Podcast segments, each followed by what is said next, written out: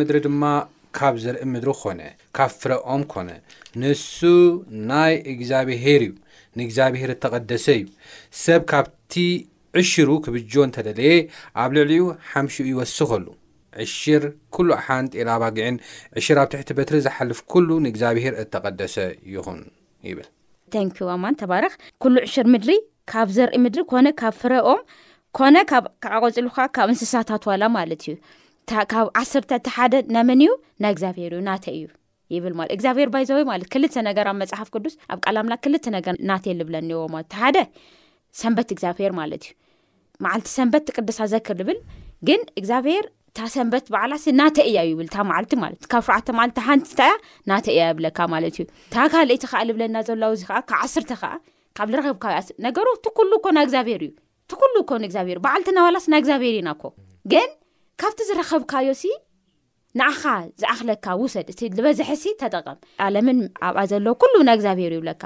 ካብ በዓልትና ጀሚሩ እቲ ፍጥረት ኩሉ ናይ እግዚኣብሄር እዩ ግን እግዚኣብሄር ናትና ንኡእሙናት ምዃንና ንክፍትን ካብቲ በዚሑ ኣብዚሑ ካብ ዝሃበካ ነገር ንበዓልካ ኣለ ንበዓልካ ባላ ሂወት ሂቡካ ከሎሲ ካብቲ ዝሃበካ ነገርሲ ሓንቲ ንዓይስ ይሃበኒ ተኣመኒ ኣባይ እሞ ኣነ ከኣ ክባርኸካ ሓንቲ ኣዚኣ እንተ ለንበብካዮ ማለት እዩ ኣብ ምድሪ በረከት ክትረክብ ተኾንካ ትሰኣነ ልብለካ እንታይ ግበር ስማዕ ሎሞ እዚ ነገር እዚ ንእስራኤል ድዩ ብጥራይ ተዋሂቡ ኣይኮነን ንእስራኤል ኣይኮነ ተዋሂቡ ኣብ ዘፍጥረት ምዕራፍ ዓሰርተ ኣርባዕተ ካይና ክንሪኢ ከለና ኣብርሃም ነቲ መልከ ፀደቅ እንታይ ገይሩ ይብል ዓስር ሸሞንተ ካብ ዓስር ሸሞንተ ጀሚርና ስካብ ዕስራ ንርኢ ከለና ኣብርሃም ነቲ መልከ ፀደቅ እንታይ ገይሩ ዕሽር ከም ዝሃቦ ይነግረና ማለት እዩ ካይዱ ኣብ ሶዶም መፂኦም ዘሪፎም ምስ ካዱ ተመሊሱ ኸይዱ ንሎጥ ዝተዘረፈ ነገር ኩሉ ምስ መለሰ እግዚኣብሄር ምስኡ ምዃኑ ክሰምዕ እቲ መልከፀደቅ ናይ ሳሌም ንጉስ ምስ መፀ እንታይ ገይሩ ዕሽር ኩሉ ከም ዝሃቦ እዩ ነግረና ዕሽር ማለት እንታይ እዩ ከዓስርተ ሓደ ማለት ካብቲ ዝረኸቦ ምርኮ ኩሉ ሲ እንታይ ገይሩ ዓስርተ ሲ ሓደስ ከም ዝመለሰሉ ኢና ንርኢ ዘለና ኣብኡ ማለት እዩ ኣብ ዘፍጥረት ምዕራፍ ዓስተ ኣርባዕተ እቲ ሓሳብ ኩሉ ሻዕ ንነክኦ ስለ ዝኾነ እየ ላንብቦ ኣለኹ ካብኡ ከዓ ኣብራን ሸዓተ ከይና ክንርኢ ከለና ኣብራን ሸዓተ ባዕሉ ከዓ እዚ ይደግም ማለት እዩ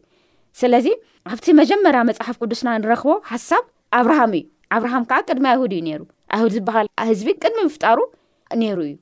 እና እቲ ዕሽር ይገብር ከም ዝነበረ ኢና ንርኢ ስለዚ ዕሽር ምስ ኣይሁድ ዝመፀ ነገር ኣይኮነን እግዚኣብሄር ቅድሚ በቃ ልክዕ ከምቲ ሰማይ ንምድርን ፈጢሩ ዕረፍቲ መዓልቲ ሂቡ ናተይ እዩ ከም ዝበለ እዚስ ናተይ እዩ ዝብል ሕጊ ከም ዝሃቦም ኢና ንርኢ ኣለና ውዚ ማለት እዩ መጀመርታ ኣብቲ ዘፍጥረት ኢና ነርኩ ኣብቲ መወዳእታ ክዕሽል ዝብል ሓሳብ ንረክብ ኣብ እብራውያን ሸዓተ ካሓደ ስካብ ትሽዓተ ኣብ ዘሎ ሓሳብ ኢና ንረክብ ማለት እዩ ኣብኡ እውን ነቲ መልከ ፀደቅሲ ኣብርሃም እንታይ ገይሩ ይብል ዓስርተ ሓደ ዝኾን ዕሽርሲ ከም ዝሃቦ ይነግረና ማለት እዩ ስለዚ ኣብ መጀመርያ እውን ኣይሁድ ኣብ ዘይነበሮ ግዜ ዝነበረ እዩ ኣብ መወዳእታ እውን መፂእና ክንሪኢ ከለና ከዓ ኣይሁድ ዝበሃል ህዝቢ ምስ ተበለ ኣብ ሓድሽ ክዳን ዋላ እታይ ተገብሩ ኢና ንርኢ ተፅሒፉ ኢና ንረክቦ ማለት እዩ ስለዚ ምስ ኣይሁድ ለራኸቦ ነገር የብሉን እግዚኣብሄር እታይ ይብል ናተ እዩ ተሓደ ክዓሰርተታ እዩ ተሓደ ናተ እዩ ናየ ዝኾነ ነገር ሃበኒ እሞ ተኣመነኒ እሞ ንኣይ ሃበኒ እሞ ካብኡ ፈትነኒ እንተዘይባሪኸካ እንተዘይቀድሰካ እንተዘይ መላእክካ ብኩሉ ነገር እራየኒ ፈትነኒ ንዓይ ንብንእሽተን ነገር እንታይ ይብል እቲ ብንእሽተን ዝእመንሲ ብዓብዪ ነገር እንታይ ይገብር ይብል ክሸሞ ይብል ዶ ሕሰብ እዚ እግዚኣብሄርስ እግዚኣብሄር እንታይ ይገብርሉ ክንብል ንኽእል ኢና ዕሽር ንዛረብ ከለና ግን እግዚኣብሄር ኣይኮነን እቲ ቅርሺ ክወሲድካ ንእግዚኣብሄር ንልዓሊ ወይ ወይ ደሞ ንልይኮነ ኣይኮነ ናበይ ካ ትወስዶ ናብቶም ኣገልገልቲ ይዎዶ ናብቲ ስርዓት እግዚኣብሄር ናብቲ እግዚኣብሄር ዝዘርግሖ ቤት መቅደስ ወሲድካ ንዓኣቶም ብልዒ ዩ ዝኮኑ ንዓኣቶም መንቀሳቀሲ እዩ ዝኾኑ ስለዚ ነቲ ዝሓርሳ ብዕራይሲ እንታይ ግበር ይብል ኣፉሲ ኣይትእሰሮ ይብል ማለት እቶም ንእግዚኣብሔር ላገልግሉ ሰባት ካብ ቤት እግዚኣብሔር ክበልዑ ግድን እዩ ስለዚ እዚ ስርዓት እዚ እግዚኣብሔር ከም ዝገበረ ኢና ንርኢ ማለት እዩና እዚ ዕሽር ማለት ግን ካብቲ እንትን ይፍለ እዩ መባእ መባእ ግን ንምስጋና እግዚኣብሔር ንዝገበረልካ ነገር ሂዝካ ትመፅ ነገር እዩ ዕሽር ግን በ ግዴታ እግዚኣብሔር ሃበኒ ንኣይ ተኣመንን ኢሉ ዝኣዘዘካ ነገር እዩ ማለት እዩ እቲ እውን ያው ናይ እግዚኣብሔር እዩ ኩሉ ናይ እግዚኣብሔር እዩ እኮ ተመስግን ለና እግዚኣብሔር እዩ እቲ ልበለካ ትገብር ለና እግዚኣብሔር እዩና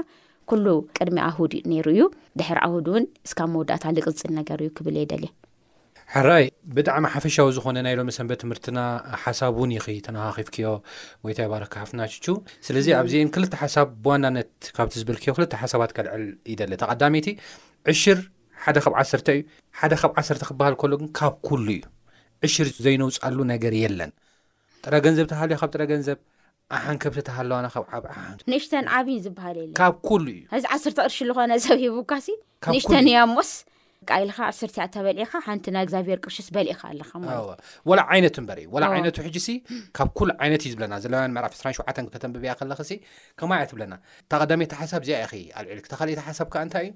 ናይ ጂውሽ ካስተም ኣይኮነን ሕጂ ብዙሓት ሰባት ናይ ኣይሁድ ስርዓት እዩ ነይሩ ስለዚ ናይ ኣይሁድ ስርዓት ከዓ ኦሬዲ ፈሪሱ እዩ ክርስቶስ ኣፍሪስዎ ንምባል ዝጥቀሙሉ ሓሳብ ኣል ግን ናይ ኣይሁድ ስርዓት ኣይኮነን እድማ ኣይሁድ ስርዓት ኣብ ዘለውያን ቅድሚ ፎርም ቅድሚ ምዃኑ በዓል ያቆብ ዕሽር ኸፍሉ እንዲያም ከምዚ ጌርካ ተድሒንካንስ ኣነ ዕሽር ክኸፍለካ እየ ኢሎም ኣፍልጦ ናይ ዕሽርሲ ነይርዎም ኣፍልጦ ጥራሕ ዘይኮነስ ተግባራውን ይገብሮ ነይሮም ከም በዓል ኣብርሃም እውን ማለት እዩ እዚኦም ኣብርሃምን ያቆብን ቦልዶ ኮይኖም ኣብ መፅሓፍ ቅዱስ ስለ ዝረኣዩ እዮም እምበር ብዙሓት ካልኦት እውን እሙናት ዝነበሩ ንእግዚኣብሄር ዕሽር ዝኸፍሉ ሰባት ከም ዝነበሩ ካብዚ መፅሓፍ ንግንዘብ ኢና ማለት እዩ እዚ ክልተ ዓበይቲ ሓሳባት ይኽልዕልኪ እምበር ቅድሚ ኢላ ከምቲ ዝበልኩ ብዙሕ ሓሳባት ኢኺ ተንኪፍካ ሓፍትና ቹቹ ቀፂለ ክባ ዝደላ ሓሳብ ከዓ እንታይ እዩ ሚልክያስ ምዕራፍ ሰስተ ፍቅዲ ዓሰርተ ኣንቢብያ ነይረ ከም እተወጠወሰ እንተ ኣብ ቤተይ ምግቢ ክኸውን ሲ ዕሽር ዘበለ ናብ ቤት መዝገብ ኣምፅዎ ይብል እዛ ቤት መዝገብ ዝብላ ዘሎ እንታይ እያ ናብ ቤት መዝገብ ትዕሽር ናበይ እዩ ዝመጽእ ዘሎ ናብ ቤት መዝገብ ናብ ቤት ኣምላኽ እዩ ዝመጽእ ዘሎ ንምንታይ እግዚኣብሄር ኣብ ብሉይ ኪዳን ክንርኢ ከለና ኣብ ማእኸልኩም ክሓድር እንታይ ግበሩለይ መቕደስ ስርሑለይ ስለዚ መቕደስ ምስ ተሰርሐ ኣብኡ ንኸገልግሉ መን ገይርዎም ሌዋውያን ርስትኹም ኣነ እየ ኣነ እየ ርስኹም ኢሉ ሙሉእ ኣገልግሎቶም ኣብኡ ክገብሩ፣ ሙሉእ ትኹረቶም ኣብኡ ክገብሩ፣ ህዝቢ ናብ ኣምላኽ ክመርሑ፣ ቃል ኣምላኽ ከምህሩ ሙሉእ ብሙሉእ ኣብኡ ከም ዝሸሞም ኢና ንርኢ ማለት እዩ። ሕጂ እቲ ዕሽር ንሶም ስለ ዘይሰርሑ ሰሪሖም ርሂጾም ስለ ዘየምጽኡ ብምግልጋል ጥራሕ እንታይ ይገብሩ ነይሮም? ካብቲ ዓሽር ዝወጽእ ነገር ይምገቡ ከም ዝነበሩ ኢና ንርኢ። ስለዚ ናብ ቤት ኣምላኽ ኣምጽዎ ክብል ከሎ ነቶም ኣብኡ ዘገልግሉ ንቓል ኣምላኽ ንምግልጋል ዝተግሁ ሰባት ንዕኦም ቀለብ ንክኸውን ይመጽእ ከም ዝነበረ ኢና ንርኢ ማለት እዩ። ሕጂ እውን እንተኾነ ቤተ ክርስቲያን ኬና ክንርኢ ከለና ኣብ ማቴዎስ ምዕራፍ ዓሰርተ ሽዱሽተ ኬና ክንርኢ ከለና የሱስ ክርስቶስ ቤተይ ክሰርሕ እየ ዝበላ ቤተ ክርስቲያን ኣላ ሕጂ እውን ናቱ ቤተ ክርስቲያን። ስለዚ እዛ ቤተ ክርስቲያን እዚኣ ሙሉእ መዓልቲ ዘገልግሉ ሙሉእ ስርሖም ዘገልግሉ ኣሕዋትና ኣሓትን ኣለዉ እዮም ስለዚ ነዞም ኣሕዋትን ኣሓትን ንምግቢ ንክኸውን ኢሉ ናብ ቤት ያምፅዎ ከም ዝብል እግዚኣብሄር እዩ ዝነገረና ማለት እዩ ግብረ ሐዋርያት ምዕራፍ 20 ፍቅሪ 35 ከምዚ ይብል ነቲ ጎይታና የሱስ ክርስቶስ ባዕሉ ይብል ነቲ ጎይታና የሱስ ክርስቶስ ባዕሉ ካብ ምቕባል ስም ሃብ ኣዝዩ ይባርኽ ዝበሎ ቃል እናዘከርካ ከምዚ ጌርካ ምዕያይን ድኹማት ምእላይን ከምዝግባእ ብኹሉ ኣርእኹኹም ይብል እሞ እዚ ሓሳብ እዚ ብፍላይ ምስ ዕሽር ዘለዎ ነገር እንታይ እዩ እንታይ ዓይነት ትምህርቲ ክንመሃር ንኽእል ካብዚ ዝብል ኣብ ኮለ ከምስ ዕላማ ናይ ዕሽር ጌርኪ ሓሳብ ክትብና ኣንቶ እውን ደጊምና ንዛረብ ንፀንሐና ማለት ዕላማ እግዚኣብሔር ልደንገጎ ንዕሽር ንእግዚኣብሔር ንእግዚኣብሔር ምምላስ ማለት እዩ ባይዘ ምክፋል እዚ ገለገለ ግዜስ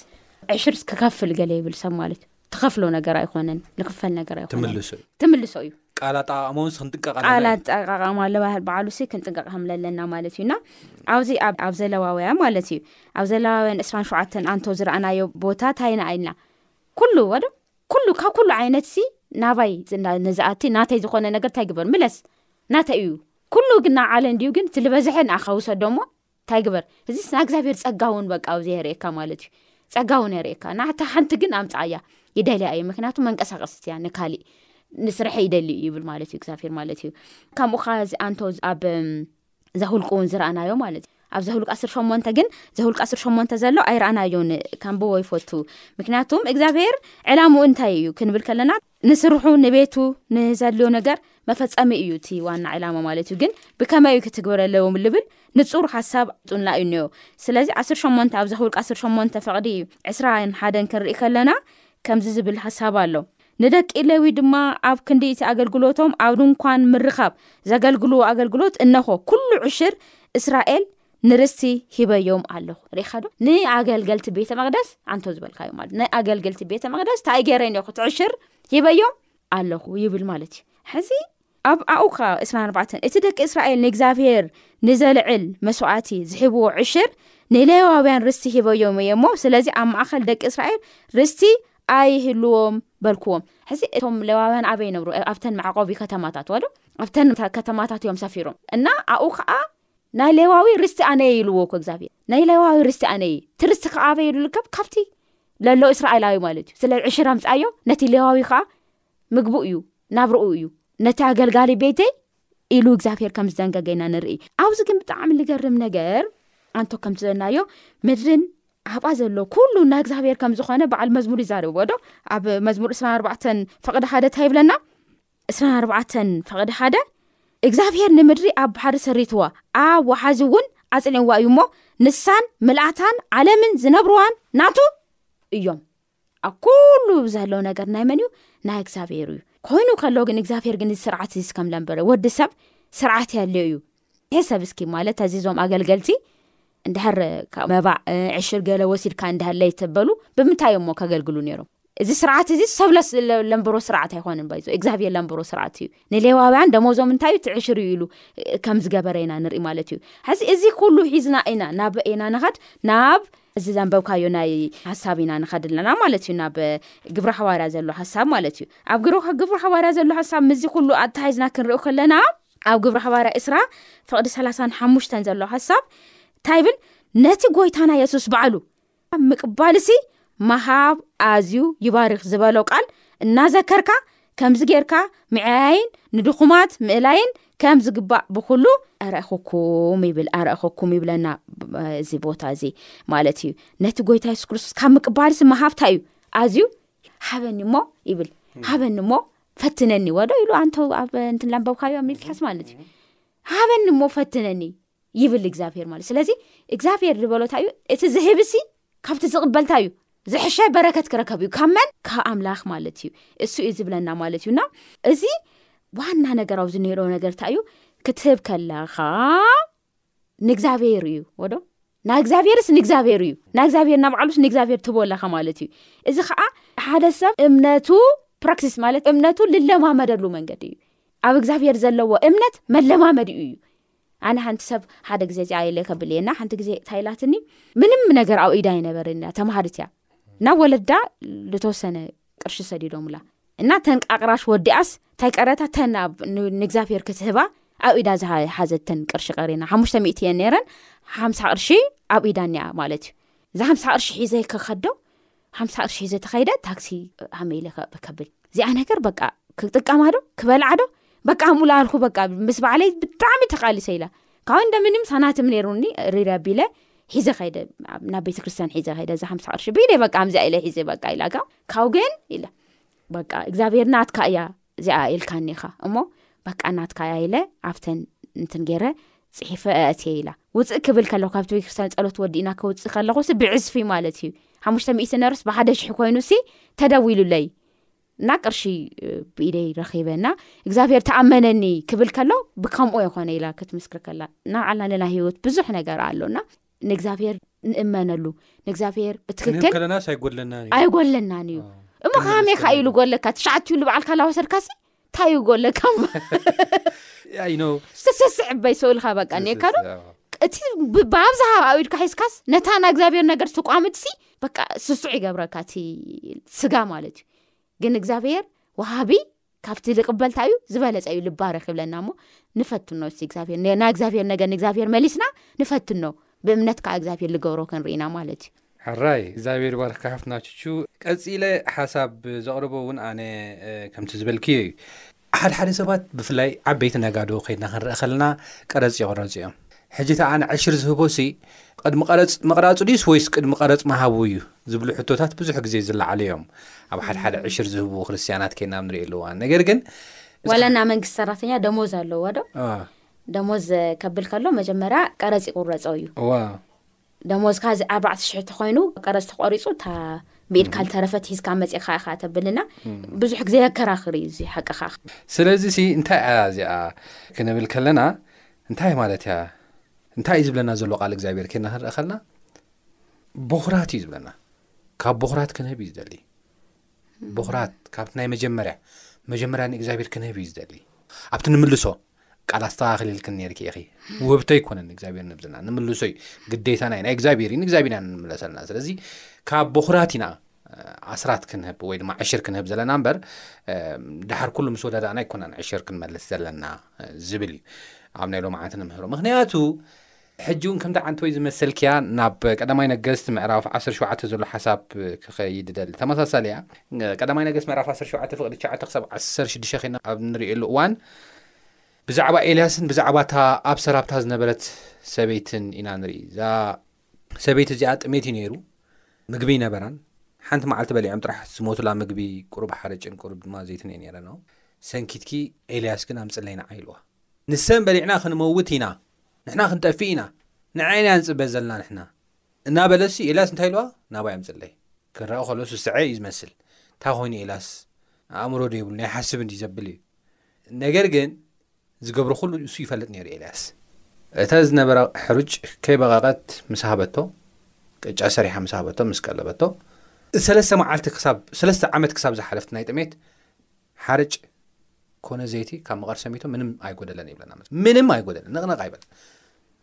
በሊዕና ሓንቲ መዓልቲ ክንሞት ኢና ድሕሪ ሓደ ሰዓት ክንሞት ኢና ኢሎም ዝፅበዩ ዝነበሩ ሰለስተ ዓመት ሙሉእ በሊዖም ሓሊፎም ማለት እዩ እናተሓጎሱ ብጣዕሚ ዝገርም ነገር እዩ እዚ እንታይ እዩ ዘርእየና ንእግዚኣብሄር ኣቐዲምና እቲ ግዴታና ክንዋፃእ ከለና ዕሽርና ክንመልስ ከለና ናይ እግዚኣብሄር ንእግዚኣብሄር ክንመልስ ከለና ከምዚ ቅድም ኢልኪ ዝበልክዮ ንባረኽ እምበር ዝጎድለና ነገር ከም ዘይኮነ እዩ ስጋና ከምቲ ቅድም ኢልኪ ዝበልክዮ ብጣዕሚ ይሕዘና እዩ ንስስዒና እቲ ሓንቲ ክንህብ ከለና እቲ ናይ እግዚኣብሔር ግዴታ ክንህብ ከለና ክንመልስ ከለና ብጣዕሚ ስጋና ይሕዘና ነገር ግን ከምኡ ክኸውን የብሎም ናይ እግዚኣብሔር ንእግዚኣብሔር ንመልስ በረኸት ኣለዎ ህይወት ኣለዎ ንሕና ክንርድኦ ዘይንኽእል በረኸት ኣለዎ እግዚኣብሄር እሙናት ክንከውን እግዚኣብሄር ጸጉኡ የብዝሓልና ናብቲ ናይ መወዳእታ ሕቶይ ክመጽእ ከለኹ ሓፍትና ቹቹ ሕጂ እውን ዝተተሓሓዘ እዩ ቀዳማይ ቆሮንጦስ እቶም ኣገልገልቲ መገብቲ እሙናት ክኾኑ ከም ዘለዎም ይዛረብ እዩ እሞ ብፍላይ እዚ እምንቶ ዝበሃል ቃል እስከ ግለጽዮ ከመይ እዩ ኣብ መጽሓፍ ቅዱስ ተገሊጹ ንረኽቦ ኣብዚ ሕጂ ንእሽተይ ሓሳብ ክትብና ይደሊ እየ እሞ እምነት ብፍላይ ምስ ዕሽራ ተሒዝኪ እንታይ እዩ እስኪ ንገር እዋ ሕዚ እታ ቀዳማይ ቆሮንቶስ እዚ ዝበልካያ ደጊመ ካብ ንብብ እየ ልፎቲ እንታይ ይብል ንእግዚኣብሔር ምእማን እዩ ንእግዚኣብሔር በቃ እቲ ዝበሎ ነገር ብምፍጻም ብእምነት ምምልላስ እዩ እቲ ዕሽር ንእግዚኣብሔር ምምላስ ማለት እዩና ኣብዚ ኣብ ቀዳማ ቆሮንቶስ ኣርባዕተ ሓደን ክልተን ከምዚ ይብል ከምኡ ከዓ ሰብ ንኣና ከም ኣገልገልቲ ክርስቶስን ከም መገብቲ ምስጢር ኣምላኽ ደኣ ይቁፀሩና ምስናይ እዚ ከዓ ካብ መገብቲ ነፍሲ ወከፍ እሙን ኮይኑ ክርከብ የድሊ እዩ ይብል ማለት እዩ ልገርመካ ግን ኣብዚ ኣንተ ውን ናሰብኩ ነይረና እቶም ለዋውያን ማለት እዩ እግዚኣብሄር ርስተይ ካባይ እዩ እሞ ካባይ ብልዑ ገለ ልዎም ዶ ለዋውያን እቲ ዕሽር ምስ ኣተየ ካብቲ ዝረኸብዎ እንደገና እንታይ ገብሩ ዕሽር ይቆርፁ ነይሮም ማለት እዩ ካብቲ እግዚኣብሄር ልሃቦም ካብ እስራኤላውያን ዕሽሮም ወሲዶም ንኦም ኣብ ቤተ መቅደስ ከብሉ ከሎ እሳቶም ከዓ እንታይ ገብሩ ካብቲ እግዚኣብሄር ናብ መባኦም ናብቲ ቆፎኦም ካብ ልኣተየ ከ እሳቶም ከ ዓስርተ ሓደ የውፅኡ ነይሮም ማለት እዩ እና እዚ እግዚኣብሄር ዝደንገጎ ስርዓት እዩ እሞ እዚ ስርዓት እዚ ግን ኣብዚ ክብል ከሎ እንታይ ይብል መገብቲ ነፍሲ ወከፍ እምን ኮይኑ ክርከብ የድሊ እዩ ይብል እቲ መጋቢ ይኹን እቲ ኣገልጋሊ ይኹን ኩሉ ኣብ ቅድሚ እግዚኣብሄር እንታይ ኮይኑ ክርከብ ኣለዎ እሙን ኮይኑ ክርከብ ኣለዎ ይብል ማለት እዩ ስለዚ ሕዚ እሙን ኮይንካ ትርከብ ማለት እንታይ ማለት እዩ እቲ ዋና ነገር ማለት እዩ እሙን ኮይንካ ትርከብ እንታይ ማለት እዩ ይብል እቲ ሓደ ጥቕልል ኣቢልና ክንሪኢ ከለና ካብ ዓስርተ ሓደ ናትና ዝኾነ ይኹን እቶት ካብ ዓስርተ ሓደ ናይ መን እዩ ናይ እግዚኣብሄር እዩ በዚ ተኣመን በዚ ተኣመን እሞ ንኣይ ፈትነኒ ይብል ማለት እዩ ካብኡ ነቲ ለበልካዮ ኮ ኣብ ገዛ ከትእክቦ ወይ ከዓ ባንክ ትእክቦ ኣይኮነ ናበይ ውሰዶ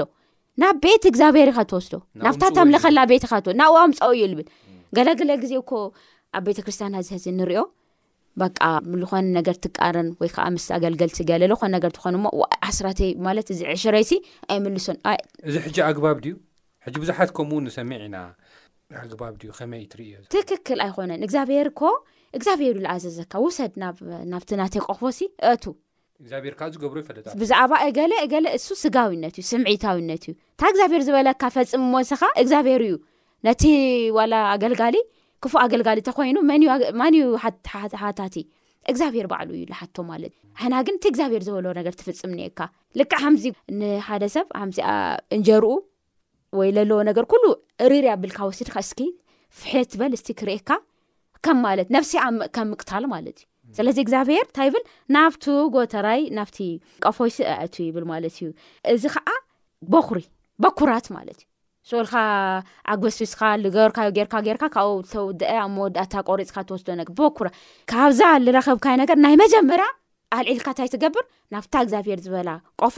ተእቱ ማለት እዩ እና ካብኡ ከዓ እቲ ናይ ራብኣይ ሓሳብ ካእተ እንታይ እዩ ትክክለኛ ንዝኾነ ስርዓት እግዚኣብሄር ንክውዕሉ እግዚኣብሄር ሃሳቡ ማለት እዩ ገለገለ ግዜ ኣስረተ ወሲደ ንድኻ ኣይተባሃልካይ ንድኻ ማ ሃቦዎ ግን ንክትህብ ግን እግዚኣብሄር ብከምኡ ኣይኮነ ኣዚዙካ ማለት እዩ መንገዲ ገይሩ እዩ ኣዚዙና እዚ ዝታት ብትክክል ክነብል ኣለና ማለት እዩና እዚ ሓላፍነትና ኣብ ቤተክርስትያንና ኣብ ነምልኮ ቦታ ኣብ ልኮነ ይኹን ቤትና እግዚኣብሄር ዝደንገጎ ሕጊ እዩ እሞ እቲ ካብ ዓስርተ ሓደ ዝኾነ ነገር ናብ ቤት ናብቶም እና ንጎታ ዘገልግሉ ናብቶም መጓሰይ እግዚኣብሄር ናብ ዝኾኑ ክንምልስ እግዚኣብሄር ይሃትት ሽኡ ከዓ እንታይ ግበረኒ ፈትነኒ ይብለና ማለት እዩ እና ኣብ ማቴዎ ስራን ሓሙሽተን መወዳእታ ሓንቲ ሃሳብ ኣንቢብና ክንውድ ኢና እሞ ኣማን እስቲ ማቴዎስ እስራን ሓሙሽተን ዓሰርተ ትሽዓተ ጀሚርና ናነብብ እሞ ካብኡ እቲ ዕሸረይ ኩሉ ናበይ ውሰድዎ ኢለ ናብ ቆፎይ እእትዩ ምስ ዝብል ሃሳብ ኣብ ምልክያስ ዘሎ ምልክያስ ሰለስተ ዓሰርተ ዘሎ ብሓደ ገና ክንርኢ ኢና እሳት ኣንብበልና እሞ ነጠቓልል ኢና ኣብ ማቴዎስ እስራን ሓሙሽተን ዓሰርተ ትሽዓተ ወንጌለ ማቴዎስ ከምዚ ይብል ማቴዎስ ምዕራፍ እስራን ሓሙሽተን ፈዶ ዓሰርተ ትሽዓተ ድሕሪ ብዙሕ ዘመን ከኣ ጐይታ እቶም ባሮቱ መጸ፣ ምሳታቶም ከኣ ተጸባጸበ። እቲ ሓሙሽተ መኽሊት ዝወሰደ ኻልእ ሓሙሽተ መኽሊት ኣምጽአ፣ ጐይታይ ሓሙሽተ መኽሊት ሂብካኒ፣ እኖ ኻልእ ሓሙሽተ መኽሊት ረባሕኹ እናበለ ቐረበ። እቲ ጐይትኡ፣ ሕራይ፣ ኣታ ሕያዋይ እሙን ባርያ፣ ብሒደት ተኣሚንካ ኢኻ እሞ ብብዙሕ ክሸመካ እየ፣ ናብ ሓጐስ ጐይታኻ እቶ በሎ ይብለና። እሺ ካብኡ እቲ ጐይታ፣ ሕራይ፣ እወ እሙን ባርያ ምስ በለ፣ ዕስራን ክልተን እኳ እስካን ዕስራን ሓደን እዩ እኒኦና፣ እንታይ ይብል ኣብዚ፣ እቲ ጎይታ ሕራይ ኣታ ሕያዋይ እሙን ባርያ ብሒደት ተኣሚንካ ኢኻ እሞ ኣብ ብዙሕ ክሾመካ እየ ናብ ሓጎስ ጎይታኻ ተግበር እተው ኢሉን ስለዚ እቲ ብሒደት እዩ ብሒደት ማለት እዩ ዓስርተ ሂቡካስ ካብቲ ዓሰርተስ ሓንቲ ሃበኒ ንባዕሉ ኮዩ እንካ እዚኣ ሚእቲ ቅርሺ ሞንካ ኢሉስ ሂቡካስ ካብኡ ድሃረባ መለሰለ ብዓሰርተ ቅርሽባ ሃበኒ ካብኣ ተየልካሱ ኖኖኖኖኖ እዚኣስ ንዓለያ ገለ ትብልስ ኣይኮነን ማለት ብታ ሕደት ተኣመንካ ግን ኣነ ብብዙሕ ገይረታ ይገብርየ ክሸውም እየ ይብል እግዚኣብሄር ኣምላኽ ማለት እዩና ንፈትኖ ንኣምላኽና ማለት ተኣሚና ተኣሚና ድሕሪኡ እግዚኣብሄር ከመይ ከም ነንብረና ከመይ ከም ለብለና ክንርኢና ናይ ሂወት ምስክርነት እውን ይህልየና እሞ እዚ እዩ ንነግረና ካብ ዘለና ንጎይታ ክንምልስ ትለኣዘዘና ጌርና ብእምነት ካይና ከኣ ሓምተ ዝሉ ተበለ በየ ንእሽተን ዝተኣመንካ ብዙሕ ከኣ እታይ ገብር እየ ክሽሕመካ እየ ስለዚ ናብ ሓጎስ ጎይታ ከ እቶ ኢልዎ ናብ ዘለኣለም ሂወት ናብ ቤት ኣምላኽ እኮ እዩ እተው ኢልዎ ኣብኡ እዩ ኒዮቲ ብዙሕ ኢልዎ እና ናብቲ እግዚኣብሄር ዝበሎ ነገር ገርና ናብቲ ዝተፀዋዕናዮ ናይ ሂወት መንገዲ ካይና ኣብ ጎይታ ገዛ ክንዓርፍ እግዚኣብሄር ይሓግዘና። ምናልባት እታ ቅድም ኢልና ዝበልናያ ጥቕሲ ስለ ዘይጠቐስናያ እሳ ጥቕሲ እዚኣ ከንብብ እሞ ደሓር ክንውድእ ሕጂ ከኣ እዎ እግዚኣብሄር እንሆ መጀመርታ ፍረ መጀመርታ ፍረ እቲ ዝሃብካኒ ምድሪ ኣምፅእ ኣለኹ ኢልካ ኣብ ቅድሚ እግዚኣብሄር ኣምላኽካ ኣንብሮ ኣብ ቅድሚ እግዚኣብሄር ኣምላኽካ ስገድ ይብል ቤት እግዚኣብሔር ኣምላካ ንኣኻ ንቤትካ ዝሃበካ ኩሉ ፅቡቅ ነገር ንስኻ እቲ ለያውያን ኣብ ማእከልካ ዝነብር ስደተኛን ከዓ ክትሕጎስ ኢኻ ይብል ስለዚ መጀመርያ እቲ ፍረ እዩ መባእ ኮነ ቦኽራት ኮነ ክወሃብ ዘሎ ብፍላይ ዕሽር ክወሃብ ዘሎ መጀመርያ ትፍርተ ወይ ድማ ቦኽራት እናበልና ንፅውዑ ዝነበርና እዚ ከዓ ኣብ ዘዳግም ምዕራፍ ዕስራን ሽዱሽተን ፍቕዲ ዓሰርተ ኣሎ ከምኡ ናብ ዝተፈላለየ ጥቕስታት ንረኽቦ ኢና እሞ እዚ ጥቕሲ እዚ እናሓሰብና ቦኽራት ወይ ድማ መጀመርያ ፍረ መጀመርያ እቲ እግዚኣብሄር ዝሃበና ቀዲምና ኣሸና ክንምለስ እግዚኣብሔር ጸጉ የብዝሓልና ስለ ዝነበረና ግዜ እግዚኣብሔር እናመስከና ክቡራት ሰማዕትና ብዝነበረና ከም ተባረኽኩም ተስፋ ንገብር ንዘለኩም ሕቶ ወይ ርእቶ ግን በቲ ልሙድ ኣድራሻና ናብ ዓለም ለኸ ኣድቨንስ ሬድዮ ድምፂ ተስፋ ንኩሉ ሰብ ቁፅሪ ሳጹን ፖስታና 145 ኣዲስ ኣበባ ኢትዮጵያ ወይ ድማ ብቁፅሪ ስልክና 901947996 ወይ ድማ ብ 09218849